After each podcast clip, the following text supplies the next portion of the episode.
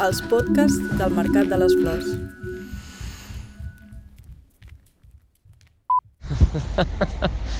Ai, per favor, comença molt malament aquesta entrevista.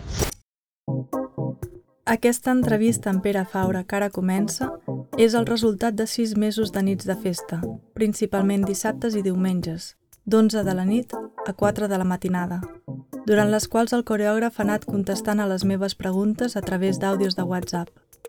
En total, sumen més de 14 hores que han estat íntegrament transcrites dins del llibre Disco Zombie, publicat pel Mercat de les Flors, l'Institut del Teatre i l'editorial Coma Negra. Aquí en podeu escoltar un resum que ens conduirà per carrers sorollosos, passejos nocturns, bars, festes i fins a la tranquil·litat del seu sofà després d'una nit llarga. Acabem a casa, doncs, al cos i la necessitat de recuperar el nom sencer i deixar de ser Pere Faura per tornar a ser Pere Gai Faura. En aquestes anades i vingudes ens parlarà del que per ell és la dansa i del que significa actuar davant del públic, dels referents que conserva des de petit, quan feia escoltisme i estudiava flauta travessera i teatre musical, i els que va acumular al llarg de la seva formació a Amsterdam i en el món professional que allà va descobrir i que uns anys més tard va resituar a Barcelona. També descobrirem com la discoteca, un dels temes centrals de les seves obres, no és només un espai de socialització, sinó sobretot de significació social, on les paraules es dissolen amb la música i el cos pren la veu cantant. A la discoteca, la seducció, com a concepte i com a finalitat, es transforma en un pont de comunicació que podem veure igualment aplicable a l'escena, entre el qui balla i el qui mira, o aquí, entre el qui parla i el qui escolta. O sigui que per una banda durant molt de temps hi ha hagut aquest intent de seduir mentre ballava i seduir d'alguna manera a una reflexió que proposava l'espectacle. Però a partir de Bomberos con Grandes Mangueres, que és un espectacle suficientment suficientment, no sé, ara no em surt la paraula, ai, quant de soroll. Eh, bueno, que d'alguna manera se situa en un dels límits de les convencions social, que és el sexe, no? I llavors, per mi és guai la pregunta sobre com es representa el sexe en l'escena, saps? Perquè per mi la diferència entre el teatre i el cine és que el teatre és l'espai per la imaginació i per lo que no es diu, per lo que no es veu, no? Per, per aquell forat que falta en el puzzle, perquè no es pot representar, no? I en canvi el cine sempre és més l'art d'allò més explícit, no? de, de lo pornogràfic. Això, el, el porno i el gore tenen a, a aquesta cosa en comú que és lo explícit, no? l'explícit del sexe i l'explícit de la violència, que són els dos grans temes una mica de, de la humanitat, de la història de l'art i de com es representen en el teatre. No? I per això era guai com, com fer bomberos con grandes mangueres, aquest exercici que d'alguna manera eh, el que fa és jugar amb el que és real i el que és fictici en el porno, no?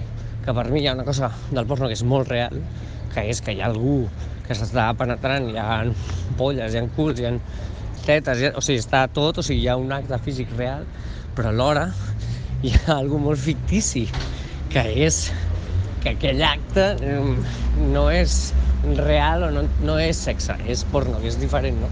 Per tant, és... I, i fan totes aquelles cares de uh, uh, ah, mm, que, que clar, és com molt fals tot, tot el que és d'ombros cap a dalt, no? Tota la cara i tot això. I llavors el... Pues està vermell. La sexualitat forma part de les construccions culturals d'una societat, igual que l'art, i per tant ens donen, tant l'una com l'altra, una imatge de nosaltres mateixos. Són miralls que el coreògraf col·loca l'un davant de l'altre, l'un dins de l'altre, amb els que crea imatges infinites que es parlen entre elles i que, en moments concrets, enfoca cap a nosaltres i en revela, així, l'aspecte que tenim. Hi ha aquesta cosa del sexe en aquesta societat que no som suficientment lliures com per entendre'l com per entendre'l i per, i per compartir-lo socialment, doncs hi ha molta gent que es bloqueja, no? Llavors he entès que el teatre potser també serveix per apretar en aquests botons d'aquests bloquejos socials, no? per, per denunciar certes maneres que tenim d'afrontar-nos a segons quins temes més difícils, eh, més polèmics, i l'art doncs, necessita adreçar-los, des del meu punt de vista, per mm, poder repensar-los, no? Per, o sigui, per seguir plantejant-nos coses com a societat, no? Home, evidentment no tot l'art es pot associar o relacionar amb l'impuls sexual, però hi tenen molt a veure. Té a veure un desig intern, no? com una pulsació que té ganes de externalitzar-se, té a veure amb la seducció, amb el seduir un altre, amb el compartir una experiència.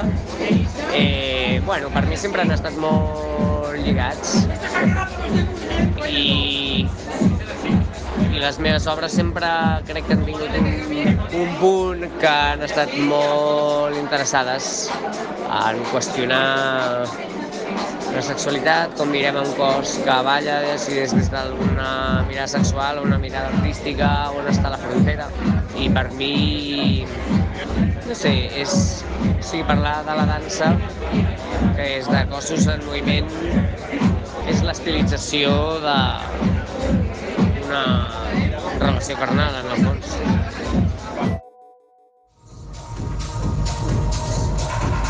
I quan parlem de dansa, pues, clar, és, és obvi que està allà perquè és el cos en moviment, que sua, que, que balla davant d'un altre cos que el mira.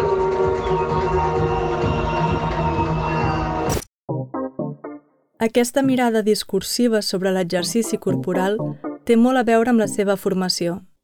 Després de passar per l'Institut del Teatre de Barcelona, amb 21 anys va marxar a Amsterdam per entrar a la SNDO, la School for New Dance Development, un dels centres de formació més importants a nivell internacional que a través de la pràctica reforça els valors experimentals i crítics de l'escena.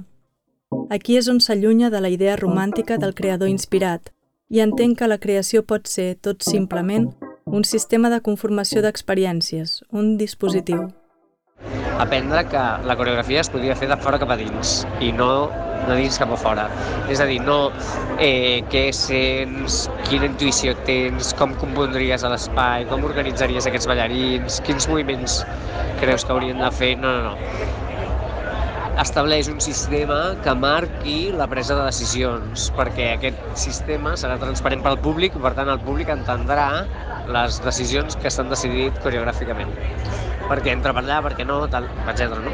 I quan només era de dins cap a fora, doncs, tu només com a espectador podies creure en allò, era una fe, no? Era, era una religió, és a dir, el coreògraf té un imaginari superric i el plasma en escena i tu com a espectador pots entendre el que vulguis perquè ell és el seu imaginari i, i pot ser així com pot ser això, i això es diu arbitrarietat.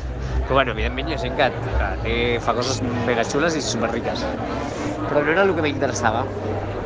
Jo volia trobar sistemes que, que poguessin justificar o que poguessin donar sentit a la presa de decisions. I, i per això, per mi, l'atzar està molt present, però dins d'un sistema prèviament establert. I jo me'n recordo que a, a Amsterdam, quan estava estudiant, doncs vam estudiar molt Marina Abramovic, també perquè ella és húngara, però va viure molts anys a Amsterdam, que és quan va conèixer Lula, que és holandès, i en el qual van fer les seves peces més emblemàtiques. I me'n recordo pues, aprendre molt de la performance art, no? pues, de tota aquesta gent, de American Abramovich, Joseph Boyce, eh, tot el, el fluxus, eh, tota la part eh, de Viena, bueno, tot, tota aquesta penya dels anys 60 que feia performance als museus, eh, tenia una altra manera d'entendre el cos, una altra manera de presentar-lo en públic, una altra manera, sobretot, sobretot, d'entendre el temps. El temps i les expectatives, que és bàsicament dues de les coses més importants en la convenció teatral. I passar per moments que potser no li agraden i que si fos un museu marxaria perquè s'avorreix o perquè li és incòmode o perquè de sobte poses la música molt forta i no li agrada o perquè ensenyes alguna que...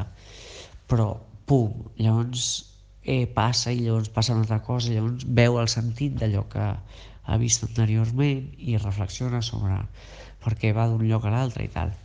En canvi, el museu sempre té l'obligació de que t'ha de captivar en el primer esguard.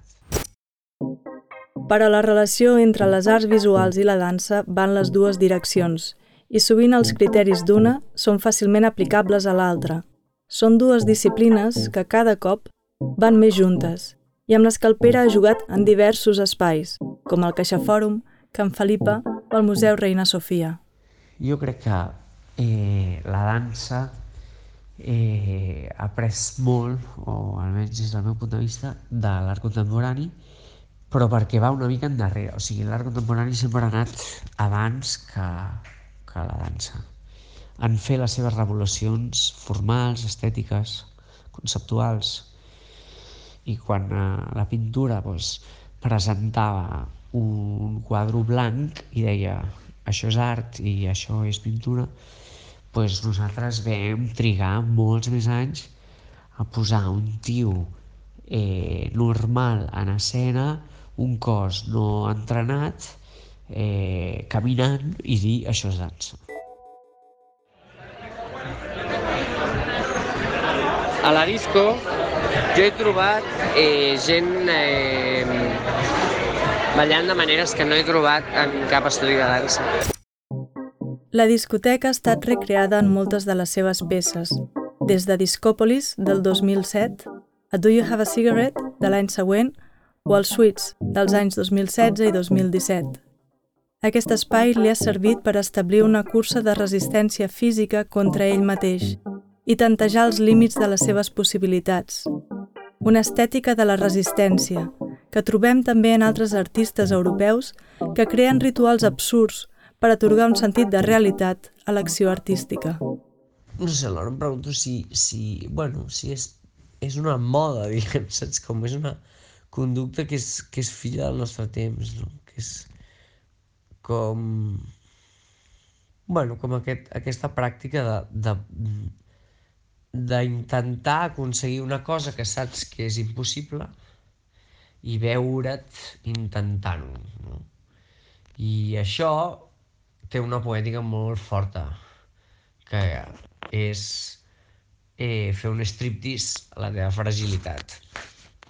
Perquè estàs veient que aquell cos no podrà fer allò que s'ha plantejat, saps? Recordo veure'l ballar amb cintes de gimnàstica rítmica, pixar-se al damunt, cantar, fer girar un hula hop, riure i plorar en escena. Actuar també és col·locar-se en una posició de risc davant del públic. És situar-se en un espai d'incertesa personal, on s'assumeix un perill que tant pot ser físic com emocional, és el risc artístic encarnat en el propi cos. És un estat eh, molt, molt únic el d'actuar i té molt a veure amb el present. I moltes vegades en aquesta societat vivim, no vivim arrelats al present, sinó eh, moltes vegades tenim una dislocació temporal molt bèstia, no? Per mi actuar eh, sempre ha anat de la mà d'una experiència que saps que hi ha, hi ha una part que no, control, que no controles, que té a veure amb el desconegut, amb l'imprevisible, amb allò que pot passar i, i no saps què pot passar. Més que catàrquic és que estàs com en alerta quan actues i, i de vegades t'ho poses perquè perquè estiguis bé i de vegades et compliques la vida, com per exemple amb els espectacles d'improvisació així, que per mi són molt guais. i on es tracta d'aquesta catarsi de, de veure un cos que està intentant sobreviure en escena, no? O sigui, lidiar amb els problemes que té, amb els, uh, els entrebancs, amb, amb els reptes i després, evidentment, eh, quan he tingut actuacions catàrquiques doncs te cagues, que de sobte el públic les entén i ell també té una mena de catarsis diferent eh, en la qual se li transforma la mirada, eh, reflexiona sobre coses que no s'esperava, té una experiència sensorial nova eh, i reveladora, eh, mística, no? es connecta amb algú que té a veure amb l'estètica, que té a veure amb, amb lo innombrable, amb aquella part de la vida que, que, que és un flipe i no saps ben bé per què. I, i quan passa això mola molt. Però bueno, doncs, també s'ha de saber que de vegades no sempre passa, no sempre passa a tothom, amb les peces, hi ha peces que passa més, que passa menys... Bueno, eh, és molt guai quan això li passa als espectadors. És un regal quan t'ho diuen que els hi ha passat. Però també s'ha de ser modest i honest i de vegades al teatre també està bé que sigui un simple acte de comunicació en què algú explica alguna cosa, sigui en paraules o en moviment o el que sigui, algú altre que l'escolta i punt, hi ha aquest, com aquest intercanvi de, de visions, no? I sense esperar que, que sigui un super tripazo de l'hòstia. Bona tarda. Ai, sap greu no haver-te pogut respondre ahir, però vam anar a una discoteca molt divertida i vaig deixar el mòbil a la motxilla eh, en el d'això i en un moment donat em vaig recordar de tu però ja no tenia el mòbil bueno, i després pues, eh, ens hem anat embolicant amunt i avall a casa d'una, a casa de l'altra i i ara per fi tinc una mica de claredat mental. És que... Hi ha una sèrie de referents que són molt clars en la seva obra, sobretot artistes amb qui ha treballat, i que han deixat una profunda empremta en la manera de fer i estar en escena. D'entre tots, el més evident és Jérôme Bell, que als 90 va capgirar alguns dels cànons contemporanis fins a arribar al que es va anomenar la no dansa, que tenia més d'apropiacionisme i de reflexió sobre el moviment que de creació cinètica pura. Entre el 2006 i el 2011 va ser intèrpret de la reconeguda i controvertida The Show Must Go On. L'any 2015, dins el cicle de retro performances organitzat per La Poderosa, va molar Shirtology amb la peça titulada Les meves samarretes i jo. De Jerome Bell podríem escriure, no un, no dos llibres. perquè eh, jo tinc una relació mm, d'amor-odi mm, molt gran, perquè jo vaig descobrir moltes coses gràcies a ell, va ser, el vaig descobrir mentre estava a la SNDO i va ser, va ser un dels grans, o sigui, va... Eh, és el que va cristal·litzar eh, tot un corrent de pensament que estava succeint en aquell moment i ell d'alguna manera el va saber condensar en una peça meravellosa que ha canviat la història de la dansa, que és de Show Must Go On. Un altre referent important, també francès, és Xavier Leroy, el biòleg reconvertit en coreògraf que l'any 2012 va presentar Retrospectiva a la Fundació Tàpies de Barcelona. Una exposició sense objectes i feta amb la complicitat d'una sèrie d'intèrprets, entre els que hi havia Carme Torrent, Aymar Pérez Galí, Cris Blanco, Guillem Mondapalol, Sergi Faustino, Javier Vaquero, Quim Vigues i el mateix Pere Faura. Allà estaven ells, entre les parets blanques del museu, recreant dispositius propis d'una exposició com el vídeo, unes cartel·les o fotografies, amb accions i explicacions que partien de la seva memòria personal creuada amb l'obra de Leguà. Doncs aquí ell diu eh, sempre és aconsellable que quan el públic ja ha captat perfectament quin és el sistema sota el qual opera la peça que estan veient davant seu, llavors fugar, no? O sigui, sorprendre'l amb un canvi de regles, però que, que, que tingui eh, també una certa lògica de subversió d'aquell sistema. No? A Ivana Muller la va conèixer a Amsterdam, com a part del col·lectiu Lisa, al costat de Paz Rojo o Nicole Butler, entre d'altres.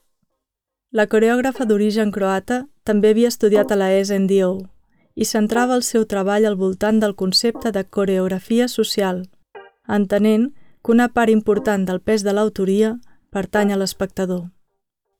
El Pere va participar com a intèrpret a While We Were Holding It Together, la seva peça manifest del 2006, on la resistència física de la que abans parlàvem, aquí, venia donada no per l'acció, sinó justament per la immobilitat total. Va ser guai perquè quan ella em va agafar per fer la peça, ja havia, ella ja havia arribat a la conclusió que era sense moure'ns, o sigui, ella va fer com tot un treball previ amb, amb una altra gent, un parell de persones amb les que col·laborar més sovint, i va arribar a la conclusió que el concepte de la peça era un tabló vivant, una mena de pessebre, en el que hi havia cinc eh, intèrprets que tindrien una posició cada un i aquesta posició no variaria, no variaria en una hora i que l'únic que, que faríem seria parlar i dir frases que comencéssim en I imagine, no? I imagine, I am, tal, no? O sigui, imagino que sóc això, imagino que tu ets això, imagino que això és tal, i llavors d'alguna manera l'espectador anava passant com per diferents imaginaris que, pod que podria representar aquell pessebre, no? Això. El fet de quedar-se quiet durant una bona estona, i primer hem començat pues, una mica, pues, 20 minuts, després 40, després una hora. Eh, no podíem fer més de tres passes seguits, o sigui, quan hi havia un quart seguit, llavors demanàvem fissió per contracte, perquè realment, jo per exemple, el braç era el que més patia perquè tenia, estava com assegut a terra i amb el braç endavant, no? I hi havia un punt de, de cangrena, no? O sigui, hi havia un punt de tembleque, de que se, se t'adormia i tal. Amb aquesta peça van girar durant més de 5 anys per tota Europa i l'any 2008 es va presentar a Singapur, amb una recepció explosiva que demostrava la tesi de Muller, que les obres s'acaben de fer en la mirada dels espectadors. Per tant, l'experiència estètica sempre és personal i per això mateix emmarcada en un context cultural determinat. Una de les escenes eh, que es feia amb els llums tancats i després d'un rato d'estar allà mitja hora així que i llavors hi havia un que deia, imagino que, que s'han apagat les llums i tu hi vens cap a mi i em descordes els pantalons i em tires avall els pantalons a poc a poc, sé què. Era com una mena de principi d'escena sexual. I a Singapur la gent va començar a cridar com bojos. Ah! No, no, no! I llavors era com molt fort, no? Perquè era com... O sigui, no podien ni, ni, ni sentir-ho. O sigui, havia com algú que, que en una societat que està bastant més censurada que la nostra, fins i tot estava censurat imaginar-s'ho, no només ensenyar-ho. Dries Verhoeven és un artista visual holandès i creador de Site Specifics, que l'any 2013 va presentar una instal·lació pels carrers d'Amsterdam titulada Ceci n'est pas, fent al·lusió a l'obra de René Magritte. La peça consistia en unes cabines de vidre d'un metre quadrat on s'hi exposaven una sèrie de personatges inquietants. Un d'ells era el Pere vestit de soldadet de plom, tocant el tambor amb martells al lloc de baquetes, fins a rebentar-lo. Cada dia rebentava 16 tambors. Diu que és l'obra més extenuant de totes les que ha fet. Jo el vaig conèixer a la disco. O sigui, hi havia una disco eh, molt divertida i relativament popular quan jo vaig arribar a estudiar a Amsterdam 2001-2002 que es deia The Truth, que vol dir la puta i que era una casa ocupa, una casa ocupa que l'havien reconvertit en, en una mena de disco i només obrien els diumenges. Obrien els diumenges relativament d'hora, bueno, perquè allà sopen a les 7, i obrien com a les 8 o les 9 i anava fins a les 2 o fins a les 3, alguna així. i els preus eren eh, d'escàndol, o sigui, un cubata costava 3 euros i una Coca-Cola mig o 50 cèntims o un euro. I bueno, agafàvem unes borratxeres bastant divertides. I era una casa ocupa que gestionaven uns quants que en un moment donat van decidir pues això, obrir el club els diumenges i els diners que guanyaven els destinaven, o sigui, els donaven a associacions que treballaven per eh, els drets LGTB. I, bueno, llavors eh, sabies que tu estaves contribuint en una causa, a part de, de la teva pròpia causa de mm, passar-t'ho bé un diumenge a la nit, no? A banda d'aquests referents del món de les arts, la cultura popular ha estat igualment important per construir el seu imaginari poètic i creatiu, en una barreja constant i natural entre aquests dos mons, on Jane Kelly, especialment a Singing in the Rain, i Michael Jackson, amb el seu thriller, ocupen un lloc privilegiat. Singing in the Rain a mi continua sent una de les pel·lícules que em mola més i evidentment té un punt nyonyo, però per què em continua agradant? Pues perquè és una pel·li que és cine dins del cine que fa una analogia entre el cine i el teatre. Ella és una corista que balla a Music Hall i ell és un actor de cine mut en l'època en què el cine s'està transformant de mut a sonor, no? O sigui, és una pel·li dels 50 que va sobre els, sobre els 30 i que reflexiona sobre el cine, sobre el canvi de l'Star System, de les estrelles que, que eren mudes i de sobte han d'aprendre a parlar i parlen com el cul o no saben cantar. Jim Kelly feia el mateix que faig jo, que era agafar el que estava de moda i fer pupurris i, i agafar el que li molava i versionar-ho i posar-ho dins d'una argumentació nova, no? I totes les cançons de Singing the Rain eren refritos de clàssics que existien o de cançons dels anys 20 o dels anys 30. Michael Jackson ens acosta la figura de Bob Fosse, el director de la pel·lícula Cabaret. El rei del pop va copiar els moviments serpentins d'aquest ballarí, coreògraf i cineasta que havia guanyat un Oscar a la millor direcció en dues ocasions. Fossi representa en si mateix els excessos de la genialitat, de l'amor i de l'activitat frenètica, que el condueixen fins a la mort i que va sanificar espectacularment en la seva pel·lícula All That Jazz. En un moment de crisi existencial, el Pere troba en el personatge de Bob Fosse un guia per a la que diu que serà la seva darrera obra, el Requiem Nocturn, estrenat el grec passat.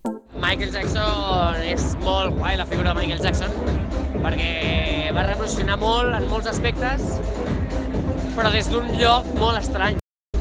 Ai, que he apretat no sé què.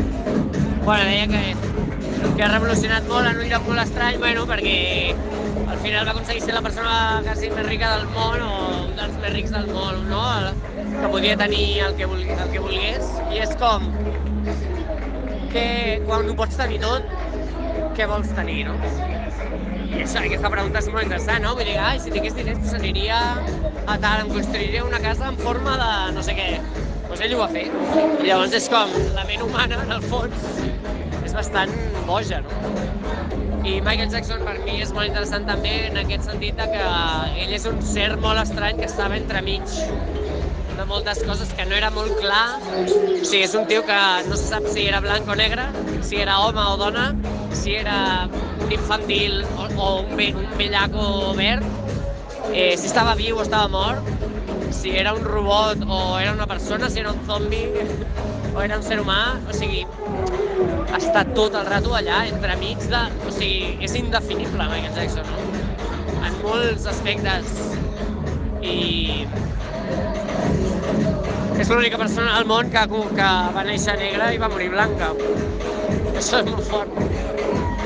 I, i en aquesta transformació també hi ha un, bueno, algú molt bèstia també sobre el cos, sobre el racisme en la música i Thriller és el videoclip més important de la història de la música i va sobre zombis, sobre estres que estan i no estan i, i era un videoclip que no era un videoclip, era un, un curt que anava de thriller, un altre cop aquest metadiscurs que a mi tant m'agrada, no?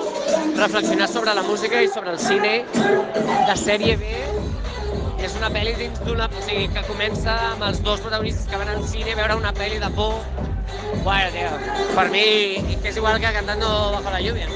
Michael Jackson és fill de fossi. I va saber fill de fossi blanc i de tots els eh, ballarins de claqué negres de Harlem.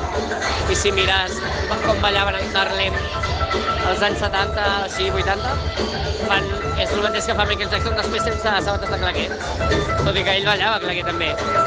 Però després el treu, li posa un punt més sexual i és un flipe, i és un flipe.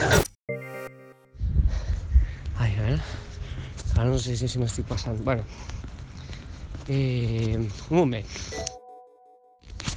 Bueno, evidentment doncs, m'he equivocat de camí perquè sóc tan home que no sé dues coses alhora que és respondre les teves preguntes i caminar pel carrer borratxo.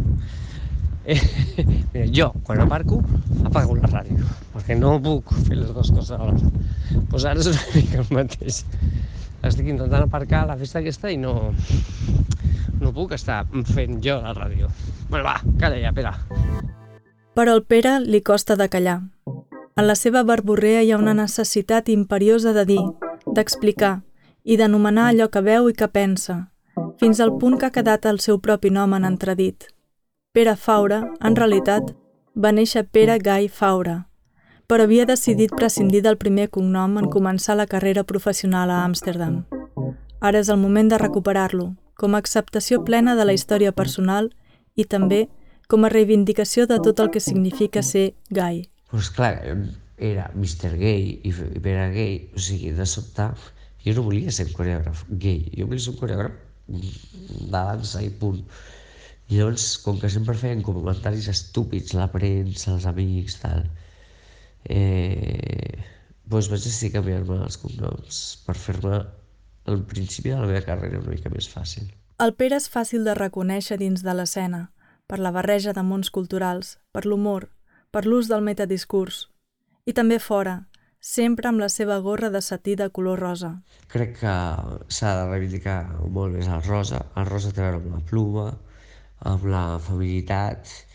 Eh, bueno, que crec que en el fons pues, jo també l'he amagat durant molts anys i, i hi ha una cosa que no suporto i és que un cop es, vivim en unes societats que cada cop són més tolerants amb l'homosexualitat eh, no són tolerants amb la pluma hi ha molta plumofòbia que és tu folla't a qui vulguis i estima qui vulguis però que no se't noti sigues un home, no? O sigui, comporta't com a tal, eh, no siguis amanerat, no siguis femení, no vesteixis, si vesteix com un home, és com, uf, que pesats, que pesats.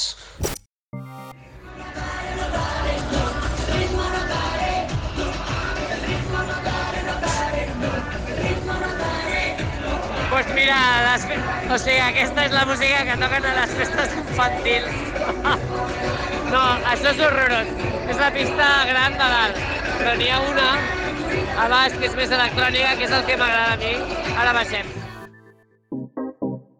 La disco és un espai de llibertat, llibertat de moviments, llibertat de relacions, que més enllà de l'oci, li ha servit per analitzar els gestos socials i les relacions que s'estableixen entre les persones, apropiant-se dels seus passos, descontextualitzant-los i reconfigurant-los. El bar és socialitzar, la disco és ballar. Eh, I potser és el mateix que en una performance la part de text i la part de moviment. eh, per mi la disco representa eh, aquell espai de llibertat on eh, la tirania de la paraula dona pas a la tirania del ritme i de la música i, i del cos. I la gent es comunica només a través de, del llenguatge corporal, de les mirades, dels somriures, del ballar, i tota la comunicació verbal ha de ser molt més esquemàtica i molt més, molt més directa perquè no pots fotre parrafades com la que estic fotent ara, per exemple. Sigui, tu quan veus a la gent ballar així borratxa, o sigui, que es deixen anar i llavors ballen realment com són, o com volen ser, o com estan contents de ser, doncs és guai veure'ls, veure'ls ser ells que es deixen anar per la música que els agrada i això. Que ah, ajuda l'alcohol, les drogues, no sé què. Sí, bueno, però és que a la societat hi ha altres alcohols i altres drogues que ens imposen una manera de comportar-nos, de relacionar-nos, d'aparentar, de ser, de parlar, de, de gesticular i tampoc no som lliures. O sigui, la llibertat de la disco, per mi, és una llibertat molt, molt interessant, molt sincera i molt transgressora.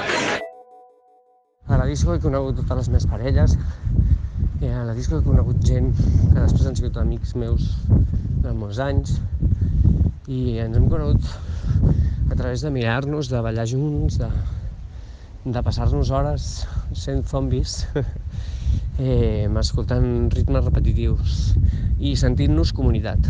I això també té la disco, que és democratitzadora en el sentit de que tota la gent que està allà hores i hores ballant junts arriba un punt que se senten comunitat.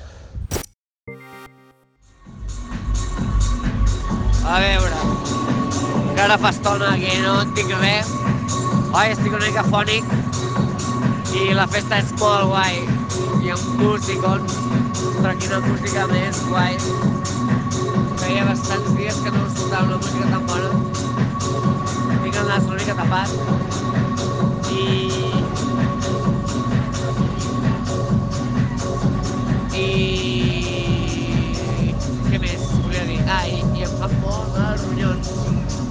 Fa molta estona que hauria d'haver marxat. I aquí segueixo perquè la música és boníssima. Però estic bastant cansat. El cansament transforma el cos i el du per territoris nous. Són viatges, com els que hem fet al llarg d'aquesta entrevista tan poc convencional i que ens ha dut del món de l'art al món de l'oci, de la llum a la foscor i més enllà, al crepuscle. I tot barrejat, així és la seva vida. En escena, hem vist el Pere convertir-se en zombi i l'hem sentit parlar des de la imatge freda d'una pantalla i fins i tot des de la mort però costa pensar que pari mai, perquè ell és l'artista de la pista i és l'amo de la bola de mirallets. Pues mira, al final ha sigut una nit bastant divertida. Aquest és un podcast del Mercat de les Flors, Barcelona 2021.